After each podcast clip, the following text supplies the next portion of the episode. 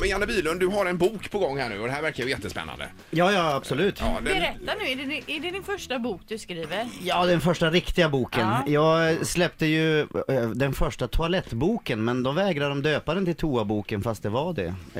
Eh, så den hette Viktiga saker. Jag tänkte, Mhm. eh, helt oviktiga saker som man kan sitta på muggen och läsa och så, jag vill inte ha sidnumrering och ingenting utan du slår bara upp och så, ja men nu har jag, nu är jag klar med nummer ett eller nummer två så lägger jag ner boken och så kan jag ta upp den igen. Mm. ja, Men nu eh, är det en, en riktigt, eh, nästan seriös bok. eh, den lyckliga pessimisten heter den. Eh, Och då vänder du och din medförfattare Mattias Lundberg er mot det här med hallelujafolket och att det ska Ah. vara positivt och jag kan bli vad jag vill och jag ska titta mig i spegeln och skrika ja, jag kan och så vidare. Ja, t- man har ju stött på de här som dyker upp. Ni- Ni vet här, de, har, eh, de vill ha nedsläckt och så vill de ha häftigt ljus och så har de tandblekt tänderna och så hör man eh, Simply the best med Tina Turner. Då vet man vad som ska komma. Då kommer in en sån här sprallig, överpositiv jävel. Och bara, ja men kom igen, du kan bli precis vad du vill. Sikta mot stjärnorna, pussa spegeln, skriv tre bra saker om dig själv när du sitter på toa. Eh, och då kommer allting att lösa sig. Ja, Ja, men det gör ju inte det. Det, det är ju deras fel att vi tittar på Idol och mår illa. För det är de här sönderkramade barnen som, nej men mamma säger att jag är bäst. Kan Då, sjunga, då ja. Mm. sjunger jag. Och så sitter då musik-Stalin där, Bard. men det kan vara bra att tänka lite, lite positivt ibland måste man väl kunna göra? Ja, ja, alltså vi är ju lyckliga pessimister så att, vad ska vi säga, vi, vi tittar framåt men vi är förberedda på att det kan gå åt helsike. Om man säger så, förberedelse. För- Var var det inte du skrev det? Förbered dig väl och förbered dig på det värsta. Ja. Eller, ja, väl. Lite grann Förvänta dig det Murphys, värsta. Murphys lag har- ska man ha lite i bakhuvudet, att om något kan gå fel så gör det det. Men är det liksom tips i boken? Ja. Hur man ska... Ja, ett, ett litet att man, eh, på så vis är vi ju lite grann en handbok att du kan förändra dig, var förberedd, rusa inte, det är klart att du ska rusa igång och, ja men det här verkar roligt, men var beredd på att du får en näve i nyllet.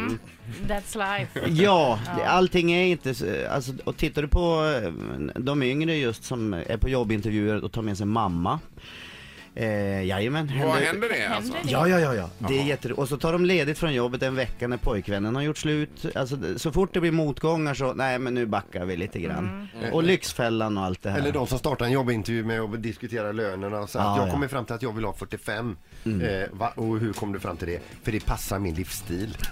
Men det här är bara skrönor, det här vet ni ju ingenting om. Va? Ja, eh, tyvärr alltså. Så, Är det så? Ja, det, jag skulle kunna nämna namn men det Ja, får man nej, inte nej, göra. nej, det blir ju inga känsligt. namn. Ja, jag vet eh, det. på vissa Jag, jag vet en arbetsplatser. anställare som, eh, där, där eh, den jobbsökande tog emot telefon mitt under jobbintervjun och sa du får vänta här.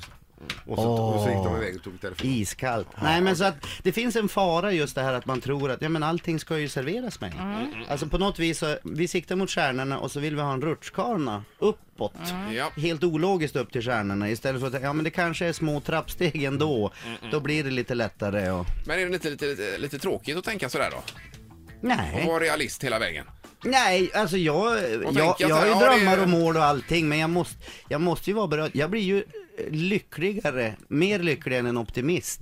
Eftersom jag lyckas ju mer än vad de gör. De, Jag håller med dig. Jag... deras förväntningar är ju hela tiden i topp. Mm. Medan jag tänker mig, ja, jag vaknar idag, topp. Jag, jag ligger på plus. Ja. Jag lever. Ja precis, jag, jag kom hit, ingen trafik, check, Mm. Ja, visst. positivt igen. Medan Mm. Ja. de här vän- ja men eh, Bill Gates ska ju ringa mig, ska inte jag få en ny iPhone 6, 7 och en halv? Gratis. Gratis. Ja. Mm, Eh, och det är klart jag får det här jobbet, utan man, ja nu ska vi se här, vad, vad kan hända? Det är några till tusen som söker det här jobbet kanske man Ja! borde ha med i beräkningen. Typ.